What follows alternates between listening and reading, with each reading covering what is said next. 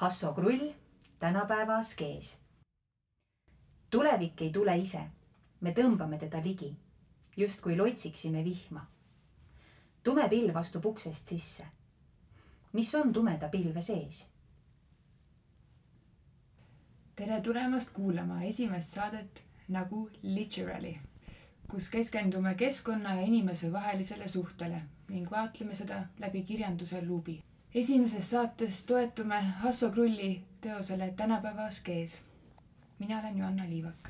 ja mina olen Käte Tamman ja meil on suur rõõm, et täna on meiega siin ka Kadi Jaanisoo Kuld, kes äh, tudeerib kunstiteraapiat ja juhib äh, ETV-s vaimsest tervisest ja keskkonnast rääkivaid saateid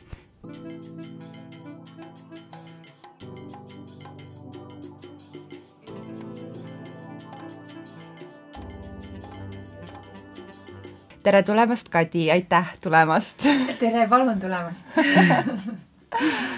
Kõigepealt äh, alustaksimegi äkki selle askeesi äh, mõiste lahtiseletamisega, et äh, tegemist on kreekakeelse sõnaga, mis tähendab harjutust või treeningut ja algses tähenduses siis askees on alati seotud sellise distsiplineeritud praktika vormiga ja kristluses on siis sellel selline loobumise ja kõrgemate intellektuaalsete ja vaimsete eesmärkide saavutamise tähendus. ja Hassol on omad mõtted sellest askeesist. jah, et siit tuleb nüüd üks väike tsitaat, et Hasso Krull on äh, siis äh, rääkinud niimoodi oma raamatus, et askees on meeleaskees, meele harjutamine meel peab harjuma, et viga oleks kohe näha, et veaga harjuda ja anda talle aega, anda arutust.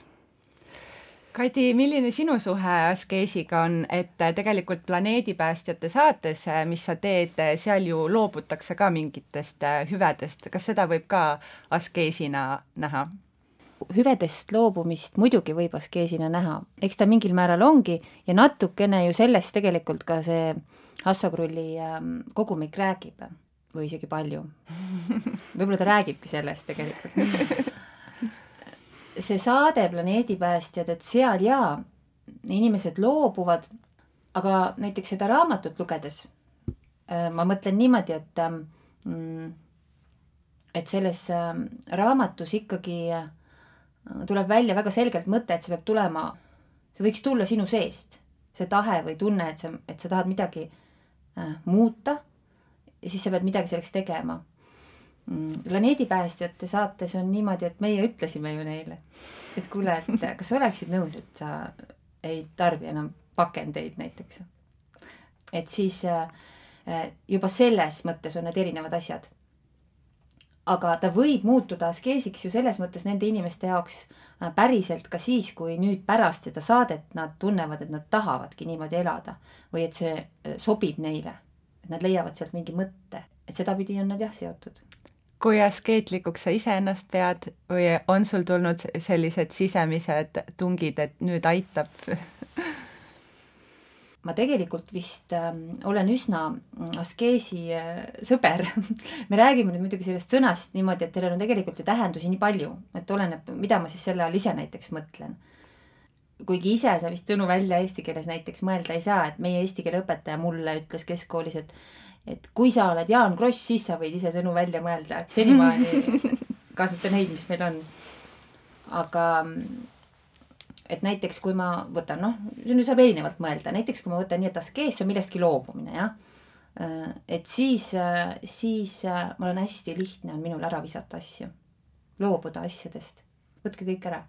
et äh, tavaliselt inimesed noh, ikkagi koguvad ja, ja nii ja, ja kuidagi mul on ka abikaasaga selles mõttes nagu erinev, et tema, kus see asi on jälle, ma viskasin selle juba ammu ära. et või noh, et muidugi, et see on omamoodi jälle probleem, eks, mis me ostame siis neid asju, sa need ära viskad kuhugi. aga mingi maani ma noh, noh panen kuhugi, et meil noh, ei ole vaja või ärme üldse seda endale hangi. siis need kohad saavad nagu täis neid asju, siis ma viin kas uuskasutuskeskusesse või noh, kuhugi. ja siis, kui on veel neid asju, siis mul nagu üks hetk nagu vaim ei pea vastu enam, ma ei taha neid ma tunnen, et ma ei taha seda asja, näiteks koristuse, äh, koristamise äh, nagu protsessis, et ma koristan suure hooga, ma hakkan kõik teen, teen, teen ja siis mul jääb kätte või kuhugi nagu mingi ääre peale jääb lõpuks mingi kaheksa asja ja siis ma ei suuda enam otsustada, mida ma nendega teen. et see on nagu kuidagi selline, ma arvan, mingisugune emotsionaalne ma ei tea, kas see on probleem, aga mm. muidugi ma ja lõpuks ma siis viskan nad lihtsalt prügikasti, sest et ma nagu olen sinnamaani juba jõudnud. et ma tahan, et midagi muutuks meil on tänapäeval kõigil ilmselt üsna palju neid asju. Äh, nende asjade nii-öelda teenimine võtab tegelikult väga palju aega, sest nende asjade ostmiseks on vaja raha. ja ma loengi siis äh, Hasso Krulli raamatust ette ühe olulise küsimuse, mille ta tõstatab. tänapäeva askeesi kõige tähtsam küsimus kõlab, kuidas saada tagasi oma aeg. me ei ole oma aega vabatahtlikult ära andnud, kuid aja tagasisaamine sõltub ometi vabast tahtest tõeline aeg saab olla ainult aeglane aeg. Äh, milline sinu suhe ajaga on ja, ja mis tundeid need mõtted sinus tekitasid? resoneerub ja et äh, ajaga on minul selline suhe, et ähm, teades, mis on ärevus iseenda peal, äh, siis see aja mõiste on hästi erinev kohati, et kogu aeg tundub, et sul on nagu mingi kiire või nagu midagi on vaja teha. Tegelikult ei ole et siis minu jaoks on see nagu selline igapäevane praktika või ka nagu siis see askeesi osa. et, et ikkagi nagu tõmmata reaalselt lihtsalt tagasi teadlikult, et mul on aega ja see on okei okay.. ehk et äh, ongi vaja aega. jälle mul meenub minu isa, kes on elus et äh, tal, ma mäletan, et äh, kui me olime, kui ma olin väike, siis me kõndisime hästi palju koos, nagu lihtsalt, ma ei tea, ühest otsast teise Tallinna linnas või midagi. ja isal oli hästi palju aega. aga mida tal siis ei olnud, oli raha. sest et tal oli aega, aga tal ei olnud tööd. ja mulle hirmsasti meeldis, ma sain temaga koos olla, see kõik oli nii tore. ja nüüd hiljem, ülejäänud aja siis pärast seda laias laastus on ta siis teinud tööd kogu aeg. ja tal ei ole üldse aega. kogu aeg räägib, mul ei ole üldse aega, mul on, noh, mul ei ole üldse aega nagu ja siis ma olengi mõelnud, tegelikult peaks talle meelde tuletama, et mõtle korra noh, et tegelikult kui äge see oli käia kuskil katakombides Irve pargis ja ma ei tea kus, et et tegelikult sul oli seda aega, on ju. ma ei tea, kummal puhul ta ise nagu rahul on rohkem või õnnelikum, kui see on oluline näitaja mulle tundub, et äh, tihtipeale just äh, hilisemas eas tagasi vaadates on ikkagi inimestel see tunne, et oleks olnud rohkem, oleks kasutanud rohkem seda aega just lähedastega veetmiseks, et harva mõeldakse vist, et oleks võinud ikka veel vingemat karjääri teha ja veel rohkem, et see on käesoleval hetkel oluline, me kõik tahame või noh, väga suur osa meist tahab, et meil oleks silmapaistev karjäär ja et me teostaksime ennast, aga, aga selle tähtsus vist ajaga natuke kipub kahanema. ma olen nõus ja noh, ma kuulan ka erinevaid podcast'e ja saateid, eks ju. et ja siis üle ühe vähemalt, kui mitte igaüks enam-vähem, kellel midagi öelda on ja kes noh, midagi elus nagu teinud ka on peale võib-olla niisama mõnusalt olemise, mis on ka oluline. siis, siis nendel tuleb jah, seesama jutt on ikkagi ala lõpmata, et, et see on oluline Hasso äh, Krull kirjutab, et üheks aja kadumise põhjuseks on äh, rahutu meel, mis selle aja õgib. Äh, mis sina arvad, eriti sul on hea selline insight seoses selgepildi saatega, et kas inimesel on siis ahvimeel ja kuidas meil ühiskonnas selle kohalolemise kunsti ja süvenemisega on? no see praktiliselt puudub, ma arvan. et ma imetlen inimesi, kui ma näen, et ta istub ja on rahus ja ta kuidagi on ja ma näen, et ta ei tahagi nagu kuhugi minna või millestki muust mõelda või midagi võtta kätte või ära panna käest. rahutu meel on, ma arvan, peaaegu et kõigil tegelikult. muidugi on eripärad, kellel ongi mingi selline olukord elus, kus tal ongi mingi, kas see on diagnoos või on see mõni muu seisund, mis seda põhjustab, see on veel omaette teema aga mm, ma mõtlen, et kõige vähem rahutu, kui ma mõtlen, et kui ma inimesi vaatan ja mõtlen, missugune ta on, et siis kõige vähem rahutud on äh, vanamehed. et neil on nagu aega. vanematel daamidel ei ole. et neil on ka nagu tegemist kogu aeg ja mingi sahmimine käib ja mingi askeldamine. aga vanemad mehed, nagu vanamehed, noh, heas mõttes, eks et äh, nendel nagu on aega.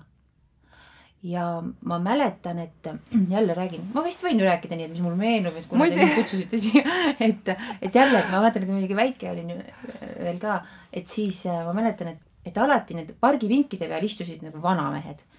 ja issand, kuidas nad mulle on alati meeldinud, senimaani, et kogu välismaal, vaata kuskil lõunamaades on eriti sihuke kultuur, eks ju, et vanamehed istuvad kuskil, noh, naised siis teevad süüa ja kuskil muud asjad on ju aga et, et vana, vanemad mehed või vanad mehed, et siis istuvad, nad on, nad ei pruugi rääkidagi omavahel, lihtsalt hoiavad oma kepist kinni või seal vaatavad kaugusesse või kuidagi mõtisklevad, olgu nad mitmekesi või üksi. et siis ma olen alati mõelnud, ma tahaks nagu nende juures olla või kuidagi saada sellest vaibist osa, et et see on selline imelik vastus võib-olla sellele küsimusele. aga kui ma korraks selle saate juurde võib-olla tulen, et kui sa niimoodi küsid, et selge pildi juures, et sa küsisid, eks ju, sa küsisid aja kohta, oli nii või? või oota, millele ma vastan praegu äh, süvenemise kohta. süvenemine, just, just. et ähm, aega süveneda samuti, jutt kõik eelnev pädeb äh,. aga kui mõelda nii, et äh, võib-olla see ahvimeel just, et kas inimeste, et kui kohal nad siis on või kas see tõesti see mõte hüppab kogu aeg mm -hmm. ühelt asjalt teisele, millessegi süvenemata. sa mõtled näiteks nendel inimestel, kes meie saates osalesid või sa mõtled üleüldse Sin, sina kui inimvaatleja mm -hmm. oma saate, oma kogemustega mida me kõik oleme just. omamoodi. ma arvan, et see rahutu meel äh, ongi äh, ühine nimetaja tegelikult et kõigil, kellel on mingi äh, mure või rõõm, siis tihti on meel ikkagi rahutu, et olgu ta siis positiivsemas või negatiivsemas võtmes, mis on ju tegelikult okei okay,, sest et ega kui me oleksime rahul kogu aeg ja, ja istuksime siin ja kuidagi manjana ja kõik on nagu lahe, et eks mingit arengut ka ju mitte kuhugi ei toimuks. noh, heal juhul staatus quo, aga võib-olla pigem siis ikkagi inimene on ju mugav et ta otsib siis seda kergemat lahendust alati, keerulisemad asjad lükkame edasi, ka koolis näiteks, et oh my god, et nüüd peab hakkama seda, ma ei tea, mis iganes asja tegema, on ju, mingit esimest praktikat, mingit päevikut täitma. kohutav on ju, et sa tead juba ette, siis ma lükkan seda nüüd nii kaugele kui võimalik, mina vähemalt. aga kui see on ära tehtud, mul oli hästi huvitav kogemus, et äh, tegingi just nimelt praktika, aruannet täitsin ja siis äh, ma reaalselt nutsin, sest ma tundsin, et ma ei suuda, ma ei saa aru juba mingi paarist asjast seal, et kuidas ma teen selle ära ja oh my god. ja siis ma lihtsalt otsustasin, et nüüd ma istun siin, ma ei lähe kuhugi enne, kui ma olen selle ära teinud. ja nii oligi, et ma tegin, nutsin mitu korda. see noh, lihtsalt nagu vihast või noh, mingist sellisest, et nagu saamatuse selline tunne nagu enesehaletsus. enesehaletsus nagu kõik tunded olid korraga mingi väikses toas, on ukse kinni, no tõesti siuke väike tuba on. ja siis, äh, ja siis ma tegin selle ära. ma ei ole olnud uhkem nagu peaaegu üldse vist, et see on nagu väike asi, eks ju mm. -hmm. et siis ma tegelikult arvangi, et, et mingite selliste iseendale mõistlike, noh, kes seda hindab, aga äh, selliste eesmärkide püstitamine on tegelikult hästi tore ja pärast seda olid ka rahulikum? absoluutselt, pärast seda olin rahulikum, ma olin midagi ära teinud, ma sain ise aru, et ma, et ma suudan teha ära mingi asja ja et, et ennast ületanud võib-olla siis. võib vist öelda, et ega me ei tunnekski rahu, õnne, kui ei oleks rahutust, õnnetust, et kontraste on ikkagi vaja aga seoses nende eakate härradega, kelle poole sa imetlusega vaatasid, mulle meenub see üsna levinud nali, et nägin, nägin mingit meest Starbucksis ja tal ei olnud telefoni, tal ei olnud raamatut, ta lihtsalt istus seal nagu psühhopaat et kas on tänapäeval niimoodi, et, et kas, kas sa haarad alati telefoni kätte, kui sa, kui sa ootad kedagi või? Äh? teadlikult ei haara ja siis jällegi haaran ja siis ma haaran liiga tihti. et ma annan endale hinnangut, jah, selles osas. ja siis äh, ma jällegi otsustan, et äh, mulle ei meeldi see, kuidas ma tunnen. et mulle ei meeldi, kui miski mind juhib tegelikult, ma olen üsna selline, et ma tahan, et äh, ma saaksin ise otsustada. ja, ja siis tegelikult kõik need asjad on meile ju niimoodi ette mängitud, et me otsustaksime võimalikult vähe äh, ise ehk et me otsustaksime seda, mida tahetakse meilt saada. ja siis ähm, mulle ei meeldi see ja siis ma ei haara meelega. ja ma ütlen nüüd isikliku asja veel siia, et, et kuna minu äh, abikaasa tegelikult reaalselt on ikkagi noh, nutisõltlane võib nii öelda, kuigi sellist diagnoosi veel ei ole sinna tähtsasse raamatusse pandud. kindlasti pannakse, ma arvan. pannakse see, selle koha. ja me kõik saame selle tööd, diagnoosi käivad tööd selle, selle nimel, arstid juba teevad niikuinii, teadlased, et siis ongi see, et see on nagu põhjustanud nii palju segadust ja ebameeldivust minu enda elus näiteks, siis ma siis ma noh, väga tegelen selle teemaga. et näiteks, kui me korraks sellest räägime, näiteks minu lastel, kes on üheksa ja seitse poisid, et siis neil on ka niimoodi, et äh, nädalavahetusel pool tundi hommikul, pool tundi õhtul laias laastus on nagu mänguaeg niisama ja siis ülejäänud päevadel on nii, et kui nad pool tundi loevad, siis nad pool tundi saavad mängida, mitte rohkem mm. -hmm. Vsjo. Ehk et no ja ma ei ole nõus seda muutma ka. muidugi ma arvan, et eh, see kõigepealt kavaldas see süsteem meid üle ja nüüd peame meie seda süsteemi hakkama kavaldama. et ma hiljuti ka, et kui ma sain aru, et palju on suhtlemist ja chat imist kogu aeg ja ükskõik, mis ma teen ja siis kuskilt tuleb see piiks ja see helendav ekraan ja siis ma jätan selle tegevuse pooleli, et siis minna kuskile mujale oma mõtetega ja siis mina tundsin küll, et, et kas ma olen, et mul on nagu ahvimeel, et ja see tekitab ju pikemas perspektiivis süvenemisraskuseid, et selliseid reegleid äh, tuleb vist jah, nagu julmalt endale ja eriti muidugi lastele äh, peale panna just nagu enda ja noh, meie kõigi huvides. ja, ja mitte just eriti lastele, vaid tegelikult endale ja. ikkagi alustada võiks ju sellest, et äh, ja see on jälle see askees ehk et ma loobun millestki, millegi nimel on ju. et jaa, täpselt ja ilma igasuguse nunnu-nennuta. väga palju head on selles, aga see on ka kõik ma arvan, et see võiks olla sellised, see ekraani kõige piiramine on ka kindlasti üks äh, vastus küsimusele, kuidas saada tagasi oma aeg, kui inimene peab ise rohkem oma loovust arendama ja, ja make your own fun nagu, mitte neid niisuguseid äh, hästi teravaid elamusi ühe nupuvajutuse kauguselt otsima. nii, vahetame natukene teemat, et Hasso Krull tegelikult rääkis seal päris palju, keskendus ka moderniseerumisele ja sellistele kaasaegse ühiskonna siis nii-öelda pahupoolele, mida see endaga kaasa toob. et kui tavapäraselt siis moderniseerumise all mõistetakse midagi, mis on justkui tekkinud vastukaaluks sellisele traditsioonilisele, nii kultuuriliselt kui ka poliitiliselt, ja seal on väga palju erinevaid aspekte ja hõlmab endas äh, nii emantsipatsiooni kui ka lihtsalt tavalist progressiusku, väärtushinnangute muutumist, industrialiseerimist, haridust, hariduse levikut ja nii edasi ja nii edasi, et et siis seal on tegelikult siiski ka peidetud teatav selline ebakindlus ja skepsis sellise ratsionaalse meele osas. et seda väljendab ka tegelikult Hasso Krull oma teoses, kes siis kirjutab, et demokraatia, autokraatia, genotsiid ja ökotsiid. see on haigus, millest on saanud lugematute väikeste haiguste põhjus. mitte inimene ise pole haigus, vaid sunnismaine eluviis, usk, lootus ja majanduskasv mida sina arvad, kas, kas sunnismaine eluviis ja majanduskasv on omamoodi haigused või, või mitte milliseid tagajärgi toob endaga kaasa moderniseerumine? ma täpselt ei oska vastata sellele küsimusele, sest see on väga lai ja ta on mm, väga palju pannud ühte, noh, ühte mõttesse on pannud väga palju teisi mõtteid minu jaoks.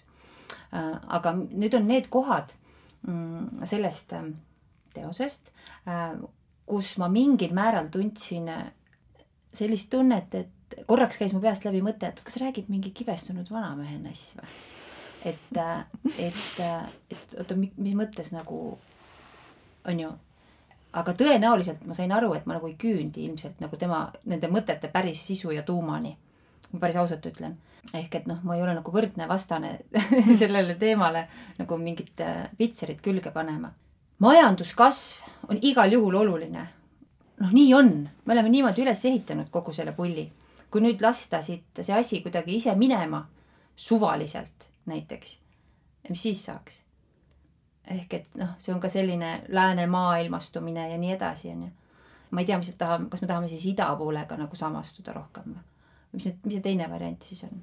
või anarhia. nagu sa varem ütlesid, et mehed ja naised on vanaduses natukene nagu erinevad, et ühed on sellised, kes toimetavad rohkem ja teised on kuidagi rahulikumalt, aga see muidugi vist ei ei, ei haaku selle mõttega? võib, vabalt võib haakuda ju. Et jah, et saabki nii mõelda, et, et kuidas kellelegi. aga, aga ma mõtlen, et võib-olla oluline mõte selle juures, et igaüks valiks või saaks oma elust, me elame siin, eks ju, et sa saaksid äh, just selle, mida sa väärid või et äh, mis, äh, mis sulle sobib mulle nagu ei meeldi sellised hästi äärmuslikud noh, nagu mõtted või väited, et, et kuidas mm -hmm. see on hästi halb ja kuidas üldse metsa maha võtta ei tohi. ja mm, -hmm. ja, ja kõik nagu sellised, paistab loomulikult siit paistab ju ka sellest teemast läbi selline maailmavalu, noh, see on selline pidev saatev teema. ja see on okei okay., see on väga hea, sest et paljudel võib-olla ei ole seda maailmavalu. ja, ja me ei saagi aru. ja, ja meid ei huvitagi ja peaasi, et mul endal mõnus oleks. kas sinul on maailmavalu? Planeedi pärast? jaa, et äh, planeedi pärast äh,, noh, absoluutselt kõige pärast saab ju valutada. ja siin ongi nagu see valikute koht.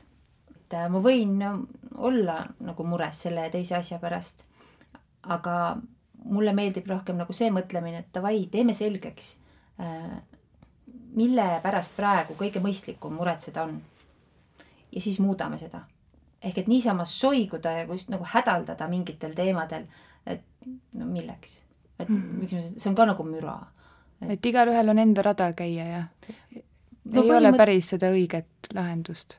põhimõtteliselt küll mm.. küll aga äh, hiljuti ühel konverentsil Marju Lauristin ütles, äh, ütles ka, et noh, et oligi küsimus, et tänapäeval noh, kuidagi on väga palju selliseid väiteid, et aga mul on oma tõde et ma räägin, mul on oma tõde ja sul on oma tõde ja ongi kõik, et, et justkui siin see diskussioon võikski lõppeda. mingis mõttes on selline lähenemine ju kena. aga mingis mõttes on kuskil ka see mingisugune selge meel, et kus äh, ikkagi me, me tahame ju progressi. et, äh, et me ei taha ju regressi ma saan aru, et väga armas on mõelda, et juba vanad eestlased ütlesid, et teeme nii, siis läheb see ära mingis mõttes on neist väga palju asju, millest eeskuju võtta. aga on ka väga palju asju, mida nad ise ju oleksid tahtnud arendada ja on arendanud ja selle tõttu meie oleme täna siia jõudnud, et me saame edasi liikuda. võib-olla see demokraatia või, või nagu selline viis noh, majandada maailma ei ole kõige jätkusuutlikum mm. -hmm. ta ei olegi tegelikult.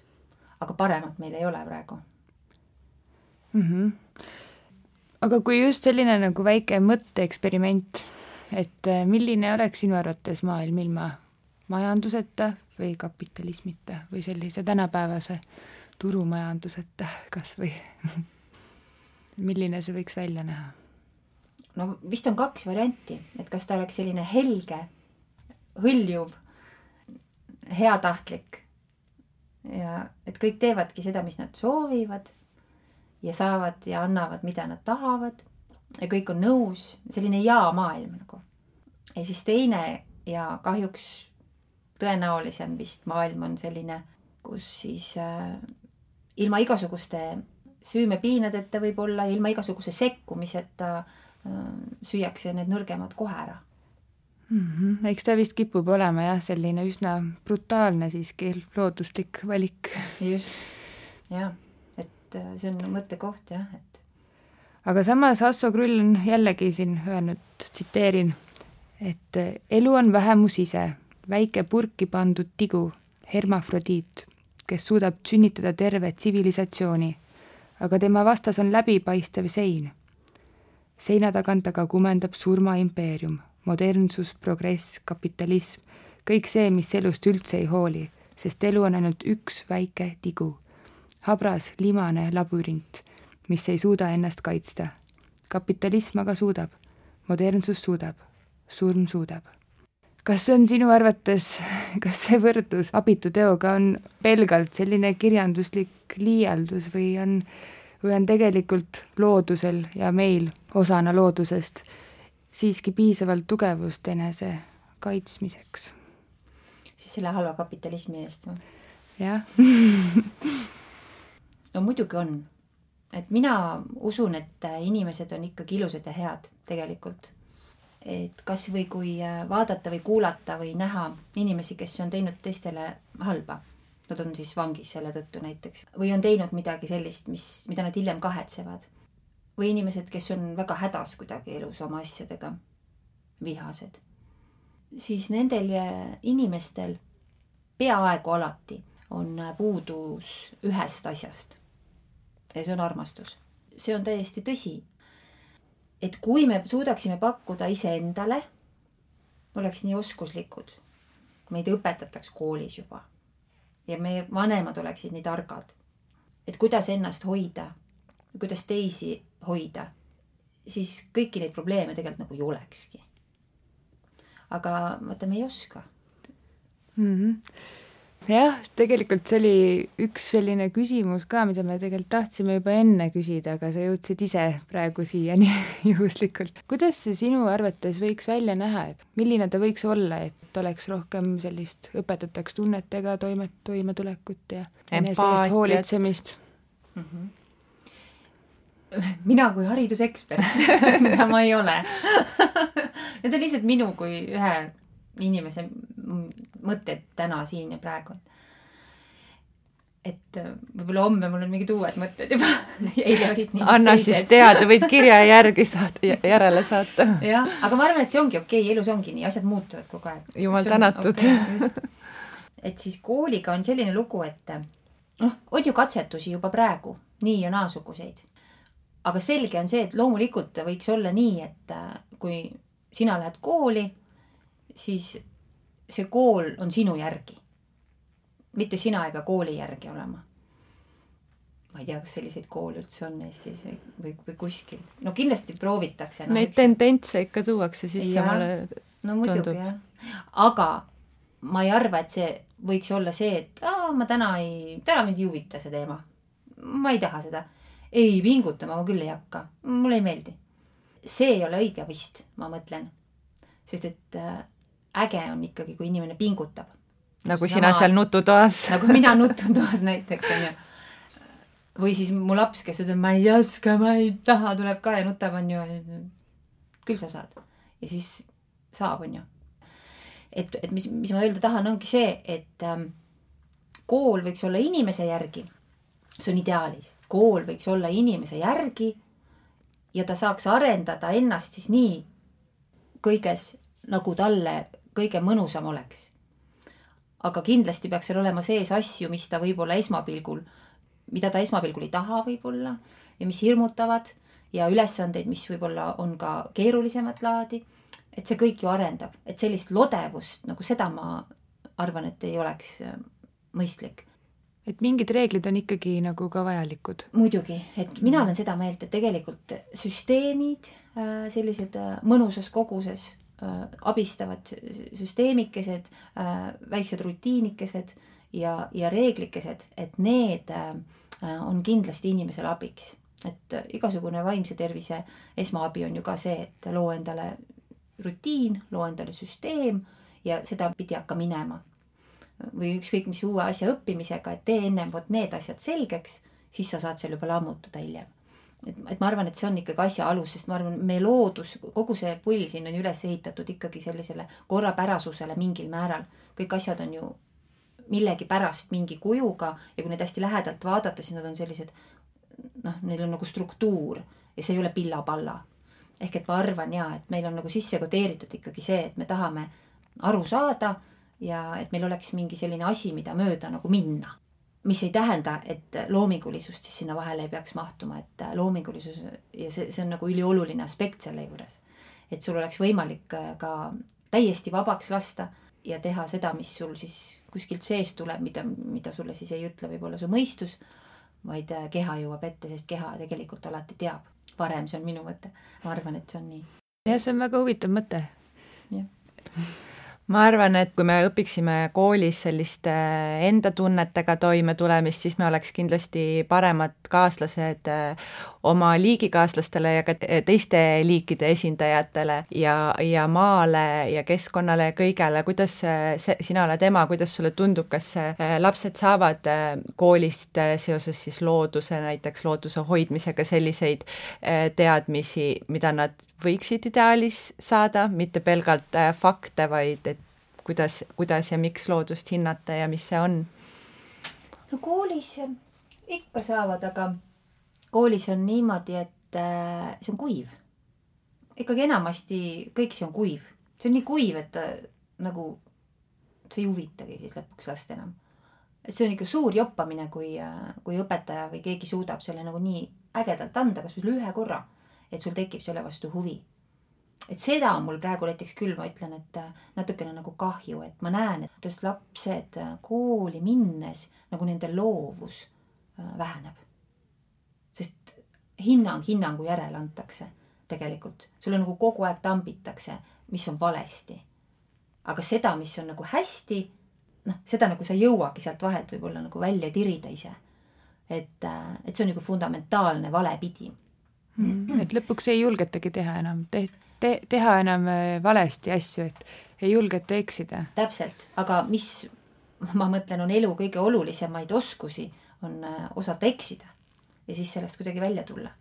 aga seda võiksid siis nüüd targad vanemad, kes siis kuskilt ise selle info on saanud, on ju, äh, oma lastele selgeks teha võib-olla jah, me, meie ja meie eelkäijad oleme ju ka niimoodi eh, sellise hariduspraktikaga üles kasvatatud ja siis ei ole ka ime, et võib-olla meie need planeedi asjad ei ole kõige paremad. üks ilming sellest ongi näiteks, et loodust nähakse kui ressurssi, sest et meil ei olegi õpetatud sellist eh, holistilist ja orgaanilist mõtlemist eh, võib-olla seostest ja sellest, kuidas inimene looduse osa on, mitte loodus ei ole pelgalt ressurss meie vajadusi rahuldada sellest on rääkinud ka Hasso Krull, kes kirjutas, et loodus ei ole ressurss.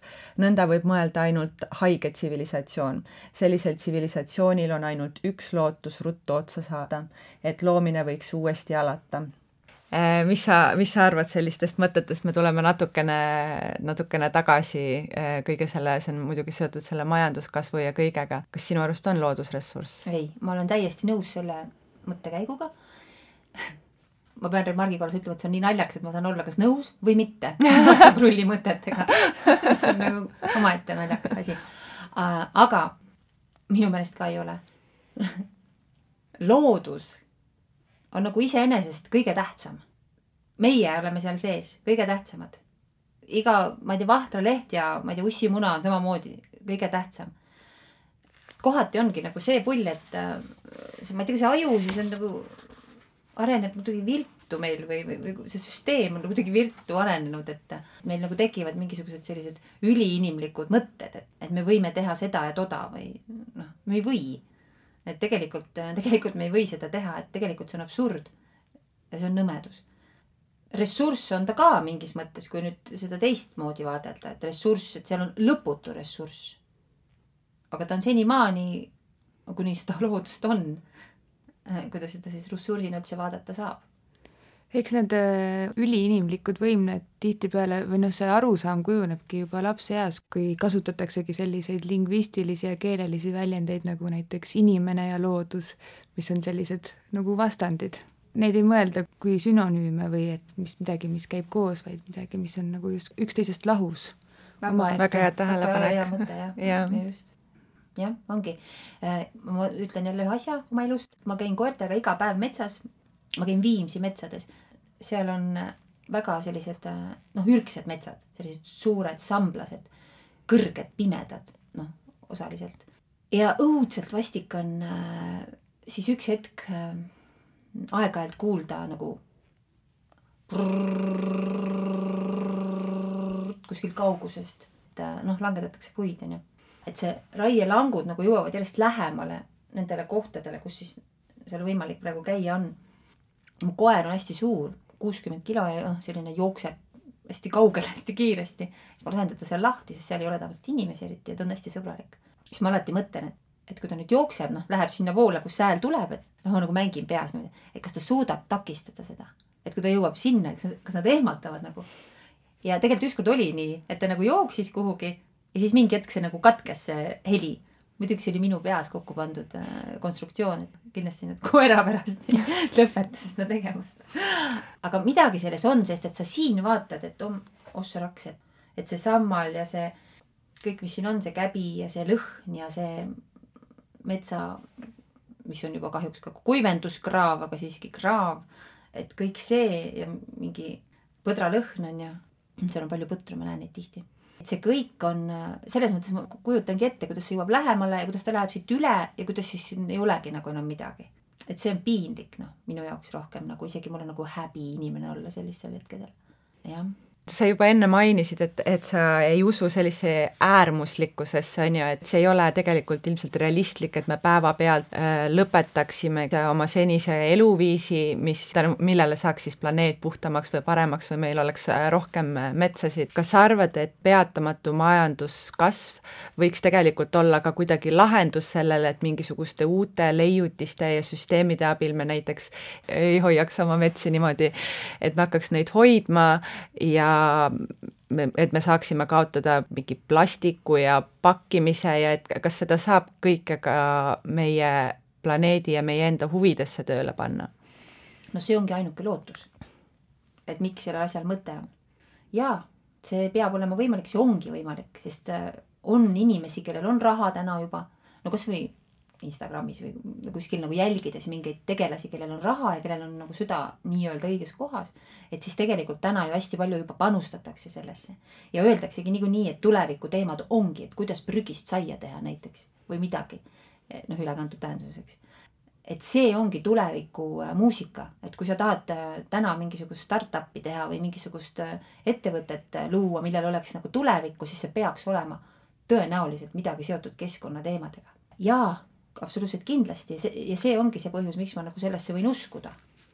aga niisama kuskilt internetist mingit möga tellida endale kuskilt äh, Hiina noh, on ju, seda ma ei salli ma ei ole kunagi tellinud mitte midagi niimoodi internetist. sinul on selles suhtes lootus, et me ei ole lootusetult äh, hiljaks jäänud planeedi päästmisega, et kõike on veel võimalik muuta?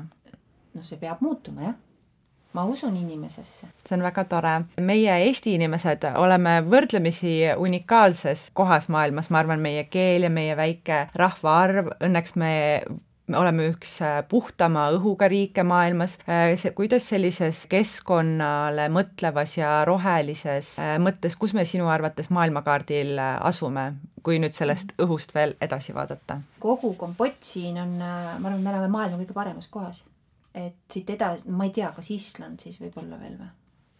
või noh, midagi sellist. päris tõsiselt. meil on nagu kõik olemas tegelikult, kõik võimalused, me, me oleme nagu oaas. ja see on hästi tore. ja minu meelest me saame sellest aru ka. mul on nagu tunne, et saame. et neid inimesi, kes sellest saavad aru, on, on rohkem kui neid, kes ei saa.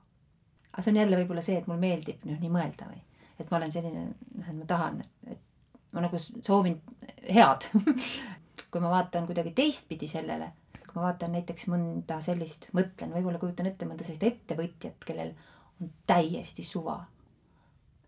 aga lihtsalt tahaks, et ilgelt pappi tiksuks kontole. et äh, siis ma arvan, tõenäoliselt see ununeb ära või mis. et kui, kui sul on näiteks võimalus, ma täna just kuulasin ühte podcast'i ja, ja seal oli üks ettevõtja kes rääkis, et Amazonis müüb silikoon mingisuguseid totsikuid ja sai miljonäriks sellega. ja see oligi, ta rääkis seda lugu, ülisümpaatne mees, ma ei hakka seda nime nimetama, kes tahab, see kuulab ise ühest kohast. aga ülisümpaatne mees, väga kihvt, kõik on nagu tore, ma mõtlesin, ma kirjutan veel talle, muide ma kirjutangi, et sa oled nii kihvt. ja siis mingi hetk mul tekkis selline tunne, et issand, et tahaks teada, miks siis see vajalik on, et, et tegelikult oli see, et ta, et ta lihtsalt otsis seda asja ilma igasuguse nagu mõtteta, et kuidas see mõjub tegelikult, kellel on vaja siis mingisuguseid silikontotsikuid nii palju, et inimene saab miljonäriks. et nagu lihtsalt müüa, kavaldada üle, teha paremini kui need. Ja siis on veel mingi sada konkurenti teevad sama asja, siis noh, kes müüb natuke odavamalt, kes suudab müüa, siis mingi Hiina tüübid suutsid odavamalt, nad ise tegid need valmis on ju seal Hiinas kuskil. ja see kõik on nagu tohutu noh, see on tohutu selline mudru kokku lõpuks. ja siis keegi nagu rikastub sellel teemal ja täna see inimene, ta saavutas selle tohutu tööga, super. ronis välja ei tea kust, sinna. ja mulle väga meeldib, suur respekt. aga nüüd kõik see muu, mis siis nagu maha jääb sellest või noh, et noh, et nüüd on nagu maailmas mingisugune tuhandeid naisi, kellel on hästi palju neid hästi palju neid ja mehi ka äh,, siis neid silikoonasju on ju ja ta ise siis täna mõtleb, et mis, mis on ikkagi elu mõte ja kuidas olla õnnelik. et äh, siis hakkad nagu mõtlema, et assoo, et millal võiks sellest nagu aru saada. kas te saite aru, mis ma mõtlesin? saime aru jah, et äh, tulles tagasi selle õnnelikkuse teema juurde, nagu sa just praegu rääkisid, et kuidas üldse nagu tänapäeva inimese suhe on emotsioonidega ja emotsionaalsusega, et äh, kas neid kardetakse või otsitakse pigem või, või kuidas nendega üldse nagu toime tullakse? väga huvitav mõte ja küsimus. kas kardetakse või otsitakse emotsioone? otsitakse pigem, eks otsitakse emotsioone ja siis kardetakse. kuidagi nii vist. selline ambivalentne. jaa, vist on jah. See on jälle inimeseti ju erinev, eks. et äh, mõni inimene ei saa nagu enda emotsioonidega äh, kontakti ja siis ta otsib neid kuskilt väljast. ja kuidagi loob neid ja iga võimaliku asjaga. noh, siis saavadki tekkida igasugused äh, sõltuvused ja, ja sellised teemad, mis võib-olla hakkavad siis sind juhtima, sinu emotsioone, tundeid ja sinu elu. aga tegelikult iga inimene ju otsib, mis ta otsib? No jälle, ma arvan, et iga inimene otsib armastust. no ma ei räägi praegu niimoodi, et oo mm, nagu lilleke sinna asjale, aga ma arvan, et see ongi nii.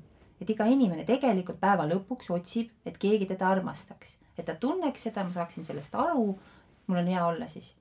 ma olen sinuga täiesti nõus ja armastus on oluline ja mulle üha rohkem tundub, et, et eks see ole just see lapsepõlvest saadud armastus ja sageli siis noh, oma vanematelt ennekõike ka emalt saadud armastus. Just, on küll, täpselt nii ongi. et ega noh, see on ka teaduslikult tegelikult ju, need asjad on läbi uuritud ju igalt pidi erinevat moodi, muidugi teadus areneb kogu aeg, nagu me teame, lükkab ümber seda jälle ja teist, aga mina olen küll nii aru saanud, et suhe sinu vanematega kui sa oled väga väike, siis sinnamaani noh, ma ei tea, kolmandaks eluaastaks enam-vähem on sul see emotsionaalne pagas nagu antud. muidugi seda saab üle joonistada, sellega tegeletakse ju psühholoogias ja nii edasi. Ilmselt on seal veel mingid aastad, kus sa saad midagi, oleneb inimesest. aga üldiselt ega see lapsepõlves antu ja saadu, et sellel on väga suur äh, tähendus ja määr terveks eluks. kust peaksid alustama need kuulajad, kellel võib-olla selles osas on lüngad lapsepõlvest, et eks me tegeleme nende äh, lapsepõlvest vajakajäämiste või vahel ka traumade ja kõigega, ka heade asjadega terve elu tegelikult, et. nii ongi, et meil kõigil on traumad, meil kõigil on lapsepõlvest vajakajäämised või ülepingutused kellegi poolt. see on paratamatus ja nii on olnud ja nii hakkab alati olema ka, ma arvan. keegi ei ole siin eriline ja, ja ideaalseid vanemaid ei ole ka. ja ideaalseid vanemaid ei ole. sinu vanemad ongi ideaalsed vanemad sinu jaoks. nii on alati. nemad on proovinud teha kõike nii, nagu nemad on osanud. kõige paremini. Nad ei osanud teisiti. nii on. Aga sellega leppida, vot see on teine teema. kõik see edaspidine siis inimesed, kellel on vaja rohkem, kellel on vaja vähem, siis sellega tegelevadki ju tegelikult terve elu, et sa otsid seda nii-öelda siis armastust, mis siis kinnitaks sulle, et kõik on hästi mm. -hmm. kas äh, armastust saab otsida või kuidas, kuidas armastust leida? palju mõtteid tuli kohe, aga üks oli tore, et Sirje Runge, ma ei tea, kas ta teile ka midagi andnud on, aga meile äh, Sirje Runge annab paari loengut ja tema ütles hästi toredasti, et kui me räägime armastusest, siis kohe tuleb ka nagu mees ja naine või naine, naine, mees, mees, kuidas kellelgi. ja nagu see teine inimene, eks ju noh, ema, laps, isa, poeg. ja siis, äh, et tegelikult, et sellest on kõrini. ta ütles nii toredasti, et ma ei viitsi kuulata, ärge hakake mulle rääkima mingi inimestevahelisest armastusest. rääkige nagu päris armastusest. ja siis kõik mõtlesid, noh, olgu, millest Juma-, armastusest Jumala vastu mõnel on see armastus Jumala vastu. aga ma mõtlen, et seda tunnet, näiteks ma mõtlen kas te olete tundnud seda tunnet, et kus sa nagu mingi hetk sa äkki tunned, ma saan hingata nii, nagu ma tahan, ma olen nii, nagu ma olen ja mul ei ole mitte midagi vaja. sa nagu tunned, et see olen mina. on tuttav tunne, ma olen küll õnneks tundnud, ma loodan, et see on hea asi ja ma mõtlen, et mina ka mõnikord tunnen seda. ja siis ma mõtlen, et äkki see ongi armastus, et see armastus, äh, võib-olla see on nagu palju nõuda või tahta aga et see armastus võiks tulla nagu sinu enda seest või kuidagi, et, et jõuda sellele arusaamisele, et mina olengi piisav armastuseks. ja mul ei mm. olegi nagu midagi või kedagi teist nagu vaja. Ja ma ei räägi siin egotsentrilisusest või millestki sellisest, et mina ja pärast mind veeuputus ja kõik see, vaid et äh, mina siin praegu, ma ei tee mitte midagi ja ma olen piisav. mulle meeldiks, kui see oleks nagu armastus ma arvan, et selline armastus olekski lahendus ka kõikidele nendele probleemidele, millest me siin saate jooksul oleme rääkinud, et me ei otsiks kogu aeg äh, mingisuguseid äh, elamusi, hästi intensiivseid elamusi ekraanidest, et me ei telliks omale Hiinast järjest uusi asju, et siis me saame õnnelikuks, et me ei elaks oma elu ainult selle nimel, et meil oleks veel ilusam ja suurem maja ja nii edasi ja nii edasi. sellist armastust soovime me kindlasti sulle, kõigile kuulajatele. suur aitäh sulle, Kadi, tulemast! suur aitäh sulle! palju armastust, aitäh! palju armastust!